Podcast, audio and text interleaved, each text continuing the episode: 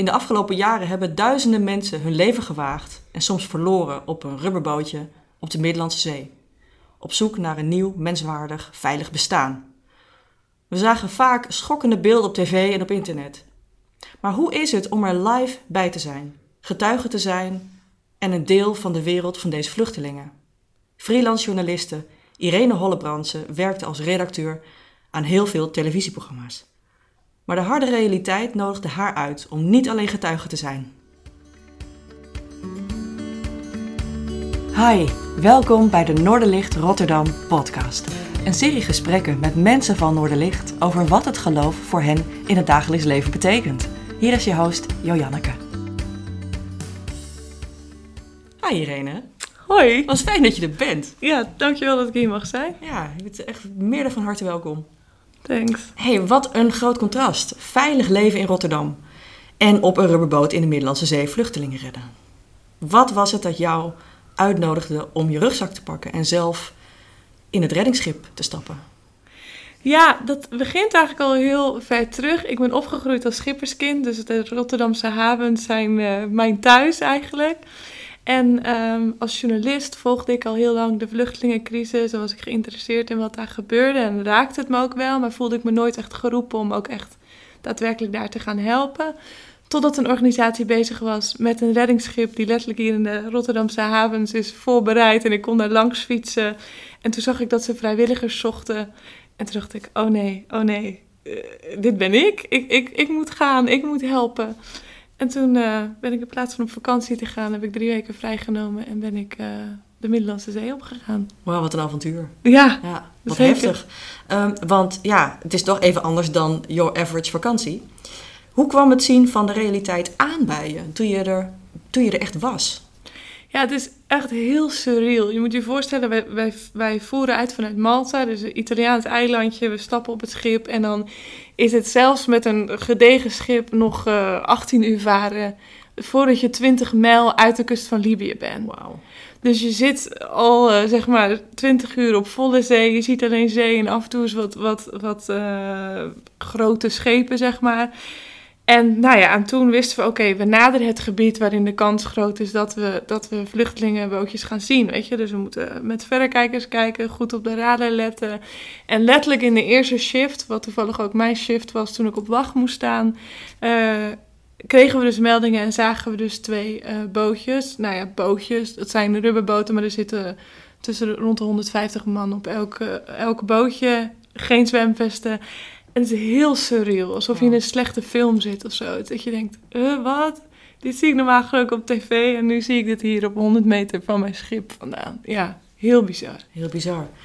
Ja, want uh, is er ook een groot verschil tussen wat wij op tv zien en zagen en wat jij daarmee maakte? Want je zegt nu ja, normaal zie ik deze beelden op televisie. Maar was het ook als je bijvoorbeeld net even een andere kant uitkijkt dat het dan heel anders was? Of hoe, vertel eens hoe, hoe, dat, hoe de beeldvorming daar, daaromheen Ja, was. weet je, je, je krijgt, natuurlijk als je het op tv ziet komt het al heftig over. Maar als je op een schip staat met gewoon heftige golven op, op zee. Dus je zelf al bezig bent. Oké jongens, dit is een uh, heftig weer, weet je wel. En je hoort het gekrijs. En je, je, je, je ziet hier een bootje liggen. Maar oh, wacht even, daar verderop ligt, ligt nog een bootje. Hoe gaan we deze mensen zo snel mogelijk helpen? En je krijgt opeens een kind in de armen gedrukt. En waar is de vader of moeder? Geen idee. Is hij er? Dat zijn zoveel emoties en geur, alles bij elkaar. Dat, dat, dat is niet te vangen op beeld. Dat is niet te vangen op beeld. Nee, het is echt een, zelf ook een lichamelijke, geestelijke, super confronterende ervaring. Absoluut, ja. absoluut. Ja. Schokken. ja, ik heb een kippenvel van nu het zo, zo zegt. Omdat ja. het zo uh, je zintuigen prikkelt. Ja, ja. ja absoluut, ja. absoluut. En je staat jezelf schrap te houden om, om niet om te vallen. En, en je probeert mensen aan boord te krijgen. En je moet gewoon op volle kracht, want je weet, als we nu niet snel zijn, dan, dan want dat bootje raakt nu lek, uh, verdrinken hier mensen voor onze ogen. Ja. En dat is, dat is absurd, ja.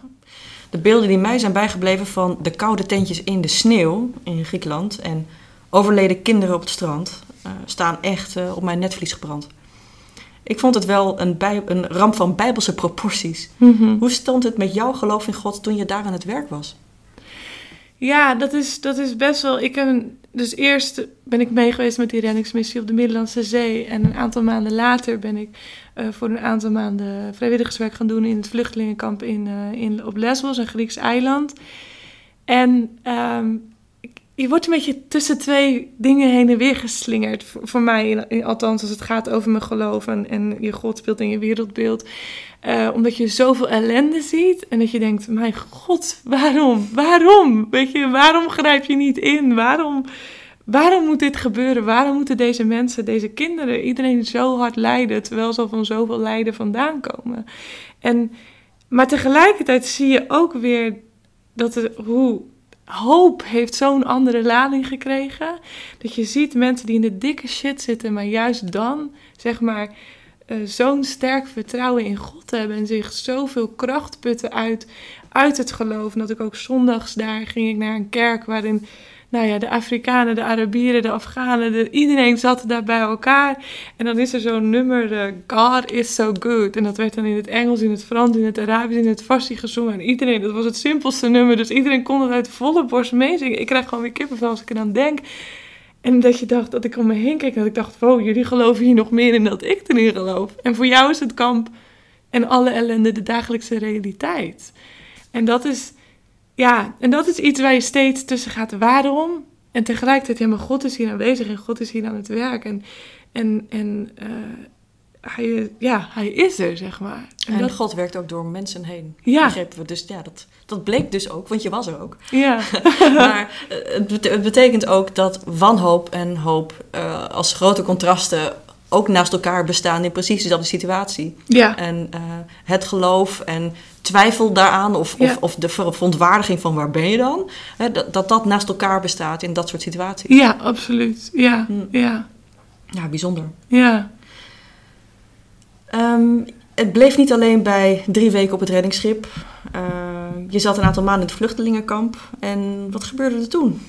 Je wilde langer blijven. Ja, ja, ik was, uh, weet je, ik had een contract hier in Nederland uh, bij een uh, televisieproductiebedrijf. Dat eindigde, weet je, als je drie jaar voor dezelfde baas werkt, moet je weg. Prima. Er kwam een optie vrij om voor drie maanden dus naar het kamp te gaan. Ik dacht, dat ga ik doen. Maar ja, weet je, ik heb, ik heb niks wat, of toen had ik niks wat me terugriep om naar Nederland te gaan. Weet je, ik had geen baan, ik, had, ik heb geen gezin. Ik heb, dus ik was heel vrij en ik dacht, maar ik kan hier helemaal nog niet weg. Het, het, is hier, het werk is helemaal nog niet klaar. En ik, ik, ik uh, dus toen heb ik gezegd, jongens, ik, ik blijf. Ik blijf nog even langer, ja. En uh, uiteindelijk ben ik er uh, zes maanden geweest, ja. Nou, dat is een zes jaar in een, of een zes maanden in een compleet andere realiteit. Ja, ja, ja wow. absoluut, ja. Als je er nu op terugkijkt, hè, en, uh, even, en nu anno 2019 kijkt naar de situatie in Griekenland en met de vluchtelingen. Uh, wat is er nu nog nodig voor hen en ben je hier nog op een bepaalde manier bij betrokken? Ja, het is eigenlijk uh, nog iets waar ik bijna dagelijks mee bezig ben eigenlijk. In de tijd dat ik ehm, dus langer bleef, ik zou weggaan en iemand anders zou mij opvolgen. Een Amerikaanse journalist zou daarheen komen om mijn functie over te nemen binnen de organisatie. Nou, uiteindelijk gingen we drie maanden samenwerken en dachten we allebei, ja, maar we, moeten, hier iets, we moeten hier iets mee. Als, als journalisten, mensen kennen niet het juiste verhaal, zeg maar. Die zitten nog vast in het verhaal van Lesbos en van Griekenland of van een vluchteling uit 2015. Um, dus wij hebben besloten om, om een documentaire te maken. Dus we hebben na ons vrijwilligerswerk opnames gemaakt. En we zijn nu druk bezig om die documentaire te produceren. Maar ondertussen ben ik ook op allerlei manieren bezig om bewustwording te creëren omdat, weet je, in 2016, dat zijn waar de mensen de beelden van kennen. Weet je, al die vluchtelingen, duizenden per dag, letterlijk duizenden per dag. Maar toen was het zo, mensen zaten tien dagen in, hooguit tien dagen in een kamp en werden doorgevoerd naar het Athene, het vasteland van Europa, en werden dan verdeeld over andere landen in, in Europa. Maar nu is het zo, sinds, sinds de EU-Turkije-deal, Griekenland zit op slot, de eilanden zitten op slot. Nog steeds, zeker nu het weer weer beter wordt, komen bijna dagelijks nog vluchtelingen vanuit Turkije naar Griekenland toe. En ze zitten vast in het kamp. Letterlijk, als je nu als vluchteling aankomt op Lesbos, dan moet je, je wordt je geregistreerd hè, en dan bij je registratie krijg je een datum waarop je interview gedaan wordt. Dus dan mag je je verhaal vertellen waarom jij asiel komt aanvragen. Op basis daarvan wordt bepaald krijg je asiel of niet en mag je in Europa blijven. Als mensen nu arriveren, krijgen ze een afspraak voor 2021. Dat betekent dat mensen tot 2021 in, het kamp zitten. Ze niks kunnen doen, ze mogen niet werken, ze mogen niks, ze krijgen geen opleiding, ze krijgen helemaal niks. Dan kunnen ze een interview doen. En dan kan het nog maanden, als niet een jaar of nog langer duren, voordat ze een uitspraak hebben over of dat ze asiel moeten krijgen. En dat gaat over mensen zoals jou, jij en ik, weet je wel? En bedenk even dat, je komende, dat de komende twee jaar je leven stilstaat. Je mag niks. Je zit opgesloten in een kamp waar 9000 mensen zitten, wat gemaakt is voor 3000 mensen. Mensen draaien psychisch door. Je krijgt geen goed eten. Je hebt geen goede, goed onderkomen. Het is natuurlijk waanzin. Waanzin. Ja, nu je het zo zegt, ehm, komt bij mij ook dat, uh, dat epische beeld van uh, de Exodus boven. Ja. Waar een heel volk uit uh, onderdrukking vlucht door de zee. Ja. Met wat mazzel en een handje van, van God, gelukkig. Ja. ja. om naar het beloofde land te gaan. Ehm, als we nu kijken in de afgelopen jaren hoe er is geschreven in kranten, maar met name door uh, Vox Populi, ja. over gelukszoekers. Ja. En over profiteurs. Ja. Over, terwijl het mensen zijn die in uh, verschrikkelijke omstandigheden ja. moesten overleven, familieleden verloren. Soms Ja. de enige overlevende van de familie was. Ja. Dat die zo werden gestigmatiseerd. Dat, dat gaat natuurlijk gewoon door, door merg en been. Mhm. En ehm, ja, het verschil tussen wat er al die duizenden jaren geleden gebeurde en nu, vind ik eigenlijk niet zo heel veel beter. Nee. Als ik heel eerlijk ben. Nee. Hoe nee. ervaar jij dit? Ja, dat is. Nee, het, het, is, niet, het is niet veel beter. En, en ik, ik ehm, probeer dat soms aan mensen uit te leggen. En het is heel moeilijk om, om dit uit te leggen als je er niet zelf bent geweest. En niet zelf met je voeten in de shit hebt gestaan. En zes maanden. Ik, ik heb zes maanden geassisteerd in het kamp bij een medische kliniek waar ik buiten hielp om mensen te registreren. Om de politie te bellen of de ambulance als we die nodig hebben. Ik heb mensen bijna dood zien gaan. Mensen, van mijn leeftijd die zelfmoordpogingen doen, die paniekaanvallen hebben, zulke heftige Posttraumatische stress. posttraumatische Ja. stress en alles wat daarbij komt kijken. En, en, en wat voor systeem we daar in Europa voor hebben om deze mensen te behandelen. En, en dan denk ik, ja, eh, hoe lang geleden was de Tweede Wereldoorlog? Ik was afgelopen zomer was ik in Polen in het concentratiekamp Auschwitz om te kijken. En sommige mensen vinden dat ik een te grove vergelijking maak, maar ik, ik vind het een vergelijking. Het enige verschil is dat we toen niet... Toen vergasten we mensen, maar nu maken we mensen ook dood, alleen dan mentaal. Ja, dat, dat is zo. Ik vind het ook heel krachtig dat je zegt we. Ja, We als mensheid Ja. vergasten mensen. Ja. We als mensen lieten mensen doodgaan op de Middellandse Zee. ja, Het is heel belangrijk om, om je ook een deel te voelen van ehm, al die kanten die dit probleem met zich meedraagt. Dat je, Ja. dat, je, dat je deelgenoot bent van het probleem. ja. En, en niet alleen op de zijlijn kijkt naar wat er op televisie gebeurt in Verwegistan. Nee, exact. Ja, je en bent er deel van. en ja. tuurlijk, je kan je niet voor alles inzetten, maar dit is wel iets waar we met z'n allen eigenlijk eh, op een bepaalde manier supporten. Wat zou ik kunnen doen om te supporten? Nou, dus, dus, nee, dat, is, dat, is een hele, dat is een hele goede vraag. Dat is een hele goede vraag. Kijk, ik richt me op dit moment vooral op, op bewustwording, kennis bij mensen. En ook te laten en, en systemen eh, zichtbaar te maken, zeg maar. Hoe, hoe werkt dit? En inderdaad, als we kijken naar hoe het in de Tweede Wereldoorlog ging en over nu... De manier waarop we nu met vluchtelingen omgaan is niet nieuw, zeg maar. Dit is op een bepaalde manier beleid. En, en ik denk dat dat heel belangrijk is dat we daar eh, eh, mee bezig zijn. Op bewustwording creëren bij mensen. En eh, ben ik dus bezig bijvoorbeeld met een, een, een bewustwordingsproject. waarin we binnenkort een, ehm, presentatie mogen geven bij de Europese Raad. Om meer inzicht te geven, ook vanuit het werkveld. Hé hey jongens, wat gebeurt hier nou eigenlijk? Mensenhandel bijvoorbeeld. Je wil niet weten. Skyrocking de laatste jaren. Ook door het hele vluchtelingenprobleem. En dat we niet op een goede manier daar, daarmee omgaan. En ik denk dat het heel eh, belangrijk is dat we ons daar samen voor uitspreken. Al is het maar, hé hey jongens, dit is, ik ben het hier niet mee eens. En we moeten hier met z'n allen voor opkomen. En ja, als je wil, kan je je tijd en je geld doneren om die mensen daar te helpen. Dat is voor de korte termijn heel goed. Maar ik denk dat we voor de lange termijn ook moeten zeggen tegen onze politici, tegen onze leiders: hé hey jongens, wacht even. Dit no more. No more. Um, ik hoor twee, twee dingen. Het eerste is een uh, grote podium bij de, op Europees niveau. Ja. Wat fantastisch is, omdat meer mensen daar dan uh, over kunnen horen. Maar dat is natuurlijk wel echt in de politieke wereld. Hoe kunnen we ervoor zorgen dat die boodschap die jullie daar delen ook verder wordt gedeeld uh, over de wereld?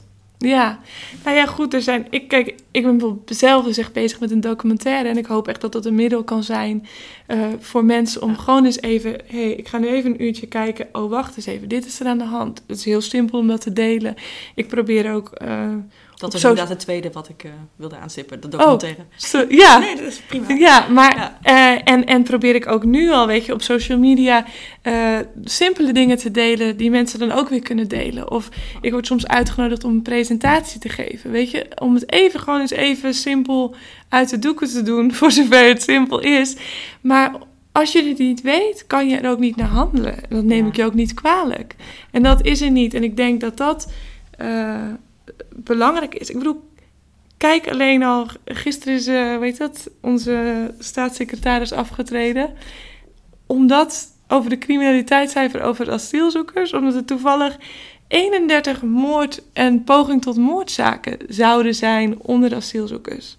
Is helemaal niet waar. Die cijfers worden helemaal niet in een goede, goede context uitgelegd.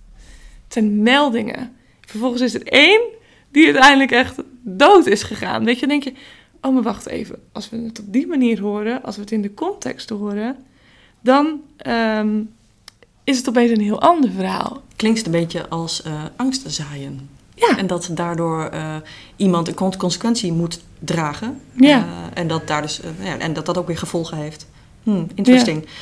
Ja. ja, het is een, een groot een grote kluwen van contrasten, merk ik. Ja, ja. Um, en wat je zei van, ja, eigenlijk is het heel simpel, maar dat maakt het niet eenvoudig om er iets aan te doen. Nee. Maar misschien is dat, is dat wel, bedenk ik me nu, een van de grootste uitdagingen voor ons als mens. Dat als een probleem heel erg duidelijk is en dat het eigenlijk ook vrij duidelijk is of zou moeten zijn wat eraan zou moeten gebeuren, dat het dan des te moeilijker is om het dan daadwerkelijk ook te doen. Ja, nou ja, het vraagt, het vraagt echt om een, om een kant te kiezen, zeg maar. Ja, commitment en accountability. Ja, ja, ja. ja. In slecht Nederlands. Ja.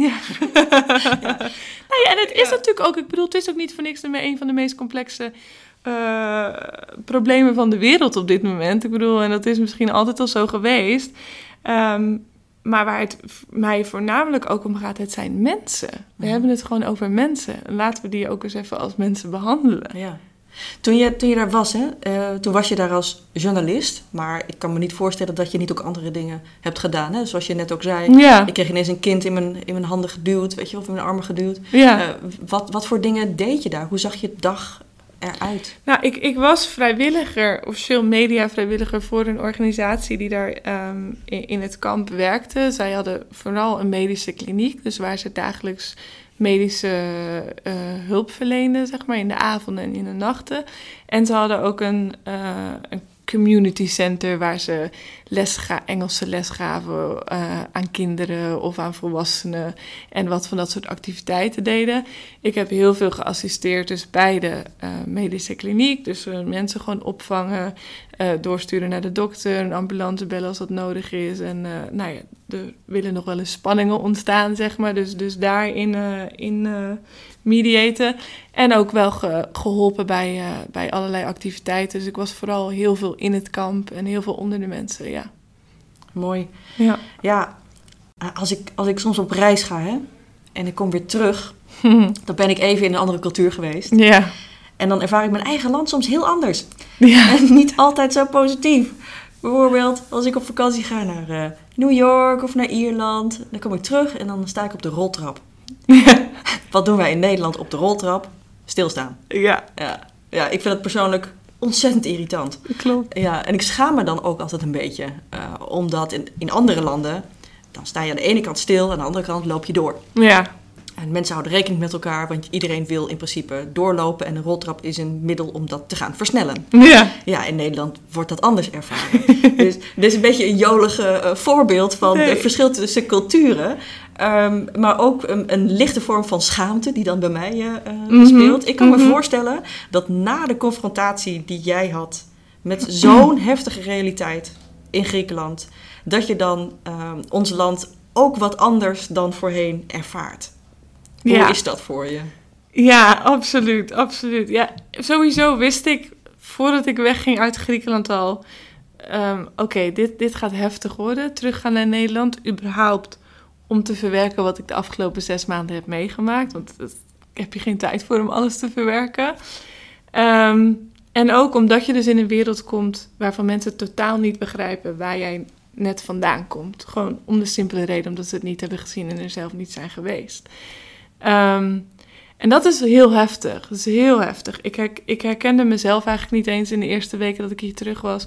Ik, normaal gesproken, ik wil zoveel mogelijk mensen zien. En als ik een lange tijd in het buitenland ben geweest, dan eh, ga ik bij wijze van spreken 's ochtends naar iemand in Groningen, 's avonds in Maastricht, om, 's in- om vervolgens nog in Rotterdam te slapen, zeg maar. Daar krijg ik energie van, dat vind ik geweldig. En nu dacht ik echt, oh god, ik kan vanavond naar deze afspraak en dan kan ik heel leuk weer drie vrienden zien, maar dan moet ik gaan vertellen. En dan gaan ze allemaal vragen stellen en ze begrijpen het toch niet. En dan vinden ze dat ik depressief ben omdat ik alleen maar negatieve dingen vertel. Maar het is gewoon verschrikkelijk daar. Dus het heeft helemaal niks mee te maken of ik negatief ben of dat. En dat, en dat je merkt gewoon als je dan met mensen praat, dat het of te confronterend is, of ze het gewoon totaal niet begrijpen. En binnen twee minuten, hup, het gesprek weer omdraaien naar iets anders. En dat ik dan dacht, hallo, wat zit je hier nou moeilijk te doen over je tweede vakantie voor dit jaar? Weet je wat, dat, weet je, en dat is zo... Maar tegelijkertijd was ik me ook bewust van, ik kan ook niet verwachten van mensen dat ze er op hetzelfde level in zitten als dat ik erin zit. Want Ja. dat kan niet. Ik bedoel, ik heb er ook zes maanden voor nodig gehad om dat op die manier te ervaren. Dus is het voor mij heel erg zoeken naar die balans van, hé, hey, wanneer mag ik even eh, mijn stem verheffen en wel even de nadruk ergens op leggen en wanneer moet ik het ook gewoon even, even laten, zeg maar. Of gewoon, en het vooral ook persoonlijk houden, zeg maar, hoe het mij heeft geraakt en wat... ehm, en ik heb ook niet, niet de oplossingen. Maar ehm, ja, ik vind het wel moeilijk soms dat er zo weinig oog is. En het vooral over angst gaat. En, en, en we het niet hebben over... Hé hey jongens, hoe kunnen we... En zeker ook onder christenen. Ik ben soms nog meer teleurgesteld in christenen dan... eh, eh, in mijn collega's bijvoorbeeld die helemaal niet geloven over hoe serieus ze hiermee zijn. Of, of hoe ze dachten, oké, ik kan niet naar Griekenland, maar wat kan ik dan wel doen? Of hoe, weet je, zo. Maar dat ik denk, oké, ja, ja. Ja, dat vind ik moeilijk. vind Ja. ik heel moeilijk. De ja. banaliteit van, eh, nou ja, dagelijkse boodschappen doen en de tweede vakantie. En Ja. waar gaan we dan wel heen? Ja, Versus de verdieping van de confrontatie waar je zelf doorheen bent gegaan. ja, absoluut. Ehm, heb je zelf ook ehm, in, de, in de maanden nadat je terugkwam eh, eh, nog een, een bepaalde manier van balans daarin weer kunnen vinden voor jezelf? Of heb je daar hulp bij gekregen? Eh, want ik kan me voorstellen dat als je vanuit het veilige Nederland, het, relatief veilige Nederland gaat, naar, naar zo'n ontzettend confronterend gebied, dat dat niet alleen voor, nou ja, voor, voor anderen he- heftig is om, om daar als vluchteling te zijn, maar ook voor jou omdat je in een andere wereld gewend bent. Hè? Dat je daar misschien ook wel, nou, misschien eh, een soort van, eh, eh, welke vorm dan ook, een traumatische ervaring in hebt opgedaan. Ja, nou, wat sowieso scheelde is in mijn tijd in Griekenland, zeg maar. ehm, je werkt samen met heel veel andere vrijwilligers.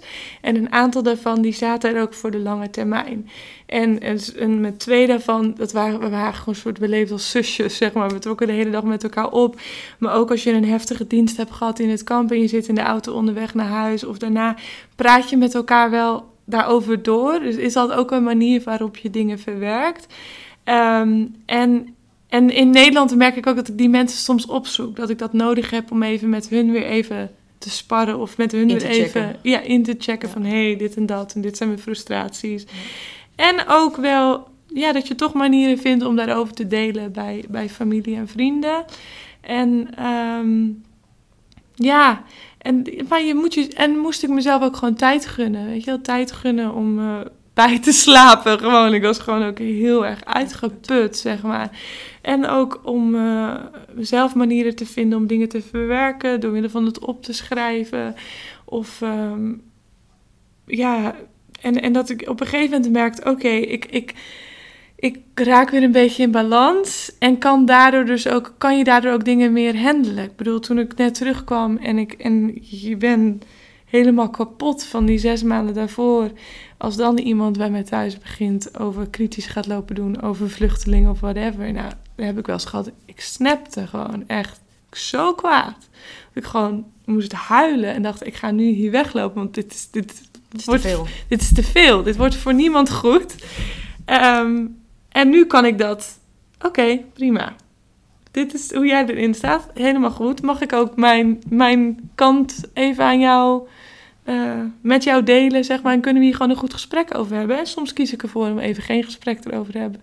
Over te hebben als ik al die week te veel shit heb, over me heb gehad. Klinkt wel evenwichtig. Ja, ja. ja Chapeau. Ja, ja. ja mooi. Um, heeft je werk um, daar en uh, de aftermath hier, mm -hmm. heeft dat ook je geloofservaring nu beïnvloed en hoe is dit nu voor jou? Ja, zeker beïnvloed, absoluut. Nou ja, ik denk ten eerste van, van zo'n ervaring krijg je een ruimer uh, wereldbeeld, zeg maar. En een, een, een openere blik naar de wereld om je heen. Althans, bij mij werkt dat wel zo. En, en uh, zie ik ook juist hoe groot God is en hoe, uh, op hoeveel verschillende manieren die mensen wel niet kan bereiken en werkt door mensen heen. En, en dat, dat het niet om de vormen gaat, zeg maar. En um, um, dus, dus dat, in die zin heel, is dat heel verrijkend. Maar merk ik ook gewoon bezig zijn met deze thematiek. Um, is, is soms ook echt wel een strijd of een struggle, zeg maar. Het voelt, uh, kan soms best wel eenzaam voelen, zeg maar. Omdat je met dingen bezig zijn en die zo uh, sterk op mijn hart ligt dat ik daar iets mee moet doen dat hebben andere mensen gewoon niet. En dat is prima. Dat, dat hoort er eenmaal bij, weet je. En als je vecht voor bewustwording en veranderingen van systemen... moet je gewoon een lange adem hebben. En is dat, werkt dat soms heel ontmoedigend.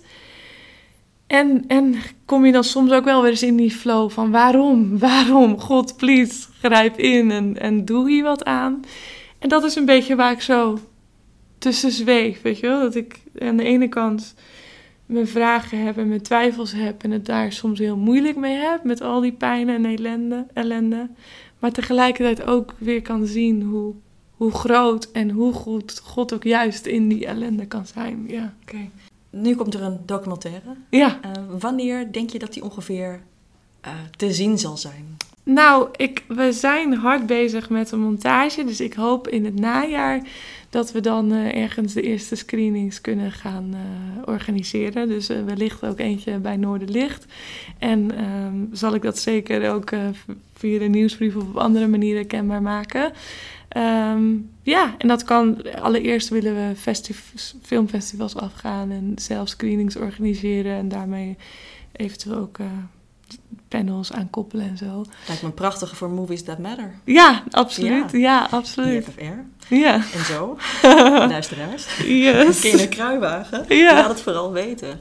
Um, ik neem aan dat dit onderwerp ook uh, gemakkelijker op internet te vinden moet zijn, of uh, nog meer dan vandaag. Ja. Um, heb je daar een kanaal voor waar, je, waar ze jou kunnen vinden? Ja, Irene? absoluut, absoluut. We hebben een Facebook en een, social, en een uh, Instagram-account van onze documentaire onder de werktitel Asylum Seekers Moria. dus op zijn Engels, asielzoekers Moria. Moria is de naam van het kamp. En daar uh, geven we updates over onze documentaire, maar ook gewoon updates over de situatie. Uh, om je op een simpele manier meer inzicht te geven in de, in de situatie in Griekenland en Europa. Lijkt mij heel verfrissend tussen alle selfies. Ja. om dat tegen te komen. ja, en je bent ook betrokken bij Noorderlicht. Welke rol heb je nu uh, hier in deze gemeente en um, wat hoop je te bereiken? Nou, ik, ik uh, zit al een aantal jaar bij Noorderlicht. Ik kan niet eens meer hoeveel precies. En ik ben sowieso onderdeel van een Noordergroep. Uh, waarmee we twee wekelijks uh, bij elkaar komen. En ook één keer in de maand een maaltijd organiseren in, in de kerk op woensdagavond. waar iedereen eh, mag aanhaken. En daarnaast ben ik sinds kort ook betrokken bij de Overdagkerk, die vanaf 12 juni gaat starten. Eh, help ik gewoon wat mee in de opzet, in de opstart. En eh, ja, heb ik daar een bijdrage, lever ik daar een bijdrage. Ja, superleuk. En eh, het lijkt mij ook dat Rotterdammers die naar de, naar de overdagkerk gaan... eh, ook geraakt mogen worden door jouw mooi werk in Griekenland. Ja, Voor vluchtelingen, want er zitten in Rotterdam hier ongetwijfeld ook. absoluut. Ja, absoluut. Ja. Ja. Mooi zeg. Ehm, ja, we kunnen je vinden op Facebook. Op, eh, heb je een, blog of een website? Of, Ehm, ja, we hebben een blog, maar we zijn eigenlijk veel meer actiever op social media dan, eh, dan op onze website. Ja. helemaal Ja. goed. We delen natuurlijk ook op noorderlichtrotterdam.nl de contactgegevens voor Irene. Via social media uiteraard. Yes. En ehm, reacties zijn zeker welkom via Twitter en via de website. Leuk. Dankjewel Irene, fijn dat je er was. Jij bedankt. Bedankt voor het fijne gesprek. Dank je voor het luisteren naar de Noorderlicht Rotterdam podcast. Je kunt de afleveringen onder andere beluisteren op noorderlichtrotterdam.nl. Heb je een vraag die je graag in de podcast beantwoord zou willen horen? Stel deze dan via e-mail op de website. Of fiets even langs bij de kerk en geef het door.